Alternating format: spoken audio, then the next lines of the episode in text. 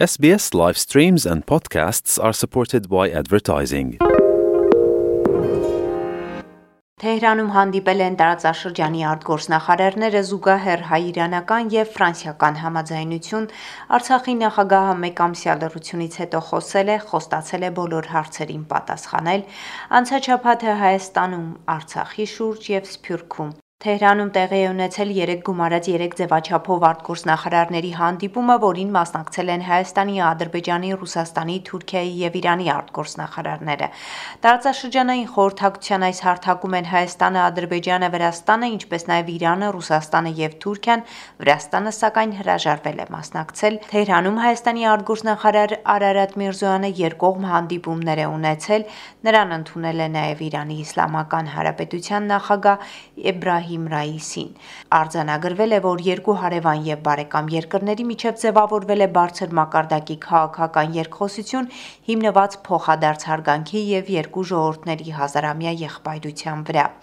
Միևնույն ժամանակ նույն օրը հայ-իրանական կարևոր նշանակության համաձայնություն է ձեռք բերվել Հայաստանն ու Իրանը հայտարարեցին, որ պատրաստվում են Արաքսի վրայով նոր կամուրջ կառուցել։ Բեռնատարները հայ-իրանական սահմանը հատելիս անցնում են Արաքս գետի վրա անցած դարում կառուցված կամրջով։ Երևանում լրագրողների հետ զրույցում ասել է Իրանի քաղաքաշինության նախարար Մեհրդադ Բազր Փաշը։ Լսենք նրա խոսքը թարգմանաբար։ Մենք պայմանավորվածություն ձեռք բերեցինք ծրվավորել աշխատանքային խումբ այդ կամուրջի կառուցման ուղղությամբ։ Հայաստանի Հանրապետությունը շատ կարևոր նշանակություն ունի մեզ համար։ Իրանցի պաշտոնյան ասել է, որ Թեհրանը դեմ է Ադրբեջանի առաջքաշած Զանգեզուրի միջանցքին եւ աջակցում է Հայաստանի տարածքային ամբողջականությանը։ Հայաստանի կառավարությունը այսպիսով պայմանագիր է կնքել իրանական երկու ընկերությունների հետ Հայաստանն Իրանին կապող Քաջարան-Ագարակ ճանապարհի շինարարության համար։ Սա իհարկե Սյունիքի մարզով անցնող հյուսիս-հարավ ճանապարհի մի փոքր հատվածն է միայն, սակայն խիստ կարևոր Հայաստանի համար։ Հայաստանի տարածքային կառավարման նախարար Գնել Սանոսյանի խոսքով. Հաստացի Երևանից միջև Իրանի սահման սա առաջին հատվածն է, որը շուտով շինարարության փուլ կմտնի, ինչի արդիվ շատ ուրախ ենք եւ նաեւ ուրախ ենք շատ, որ համագործակցությունը իրանական գործընկերների հետ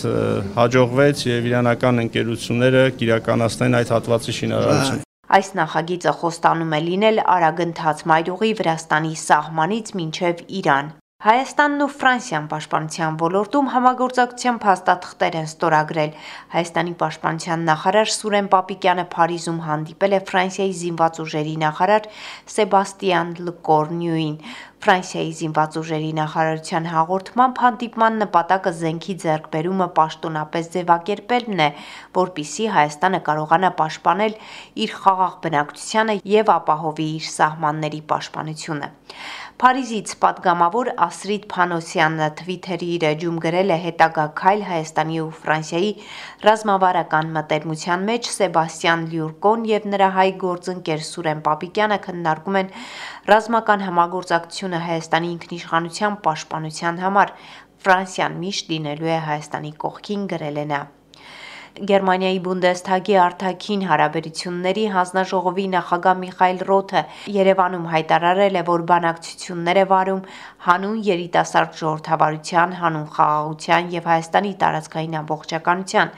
Խոսելով Ադրբեջանի գործողությունների Ղարաբաղում էթնիկ զտումների եւ Հայաստանի դեմ ռազմական հռետորաբանությամբ հանդես եկող հայտարարությունների շուրջ նա ասել է, որ Ադրբեջանը կորցրել է միջազգային հանրության վստահությունը եւ պատժամիջոցների սահմանը մոտ է։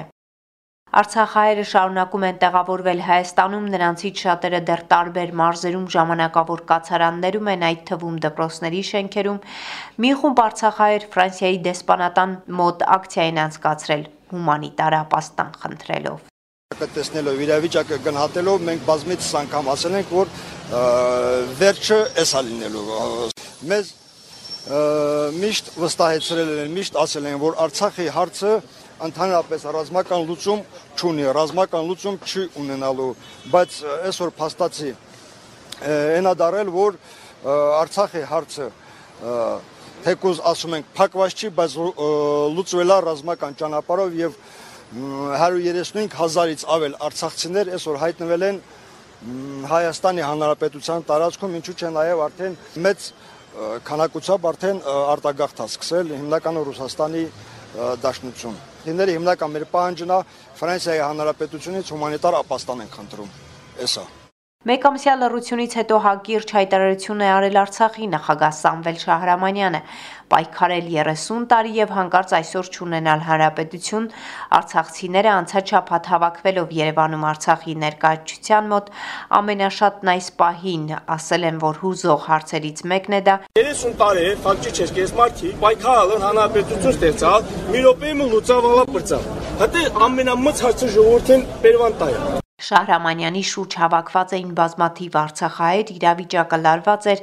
միմյանց հանդեպ վիրավորական խոսքեր էին հնչում, Շահրամանյանը հայտարարեց, այդ փաստաթղթի հետ կապված հարցերը շատ են, որոնց մասին այստեղ չի կարող խոսել։ Ըստ է մարդ կա վեր այդ փաստաթուղթը տեսավ։ Ուրեմն այդ փաստաթղթի հետ կապված ահագին հարցեր կա։ Վերը ես, հասեստեղ ձեր մեջին կարեմ չմասի, բայց ես ձեզ վստահեցնում եմ, այս փաստաթուղթը եւ դրան կողմերն են դրական տեղյակում, եւ դրան բացասական կողմերը։ Հեշմին փաստաթղթով կարել չլուծարվի ժողովրդի կողմից ստեղծված հանրապետությունը։ Նրա խոսքով ոչ մի փաստաթուղթ չի կարող լուծարել ժողովրդի կողմից ստեղծված հանրապետությունը։ Շահրամանյանը խոստացավ բոլոր հարցերին անդրադառնալ հրապարակային պարզաբանումներով, ասաց, որ պատասխանները կտրվեն հանրային հեռուստաընկերության եթերում, ինչ վերաբերում է փաստաթուղթը ստորագրելու պայմաններին,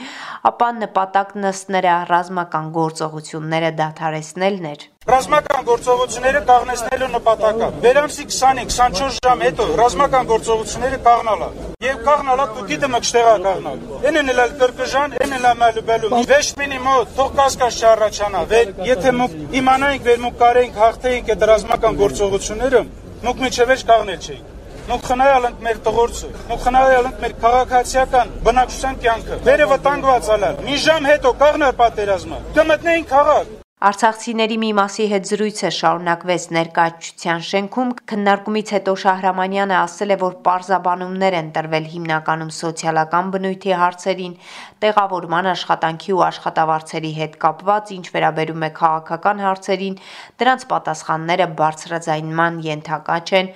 ասել է նա արցախցիներին հորդորել սթափ լինել եւ չտրվել սադրանքների։ Այս ամեն ինչը սա մեծ վտանգավորություն է ներկայացնում։ Սթափ եւ զգոն լինի քեզ հարցերի շուրջ։ Պետք չի դիմել սարդրանքների, Սա մեզ բնորոշ չի։ Բոլորի ներկայությամբ հայտարարում եմ. Այն ինչը օրինական պահանջա ձեր կողմից, ես ձեր կողմը կաղնած եմ։ Այն ինչը անօրինական է, ես չեմ կարա այդ ամեն ինչում ներգրավեմ։ Եվ մենք ամեն ինչ պիտի անենք, որ չվտանգենք Հայաստանի Հանրապետությունը եւ Արցախի հետագա ճակատագիրը։ Մարդիկ ցանկանում են, որ Արցախի պետական ինստիտուտները շարունակեն աշխատել, բայց մինչև ակցիայի մեկնարկն արդեն հայտարարություն էր տարածել Արցախի տեղեկատվական շտաբը, նշելով, որ Արցախից բռնի տեղահանվածներին աջակցության այդ թվում առողջապահական, կրթական, սոցիալական օգնության եւ համանման այլ հարցերով աշխատանքները շարունակում է համակարգել Հայաստանի Հանրապետության կառավարության հումանիտար կենտրոնը, ուստի Երևանում Աբովյան 9 հասցեում գործող Արցախի օպերա օպերատիվ շտաբը կդադարեցնի գործունեությունը։ Սփյուռքի տարբեր երկրներից օգնություն են ուղարկում Արցախահայերին։ Բուենոս Այրեսից Երևան է ժամանել հատուկ չվերթ, որը տեղափոխել է հումանիտար օգնություն Ադրբեջանի կողմից կազմակերպված էթնիկ զտման արդյունքում Լեռնային Ղարաբաղից բռնի տեղահանված բնակչության համար։ Հարևան Վրաստանում, Թբիլիսիում եւ Սամցխե-Ջավախեթիում Արցախահայերին աջակցման ծրագրերը շարունակվում են։ Կիլիկիո կաթողիկոս Արամ առաջինի նախաձեռնությամբ երկու հերավար նիստեր են տեղի ունեցել Արցախյան նոր իրավիճակում իրադարձությունների ընդհանուր գնահատականը կատարելու